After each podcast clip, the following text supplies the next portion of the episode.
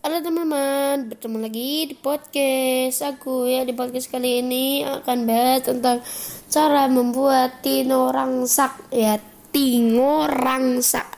Caranya adalah tumis bumbu yang ditumbuk kasar, bawang bombay, serai dan daun. Kita tumbuk dulu agar tidak kasar, bisa di blender juga bisa ya teman-teman. Masukkan daging ayam, tambahkan air, garam, gula dan kaldu instan kita aduk gulung-gulung aduk rata ya teman-teman. Biarkan hingga ayam matang dan kuat hingga sedikit teman-teman. Lalu kita aduk gulung-gulung-gulung. Ya kita aduk dulu ya teman-teman. Kita lalu ya uh, masukkan daun kemangi dan daun bawang. Aduk sebentar angkat sajikan selagi panas dengan nasi pulen hangat teman-teman Oke, bagi kalian yang suka dengan podcast ini, jangan lupa saksikan terus, dengerin terus.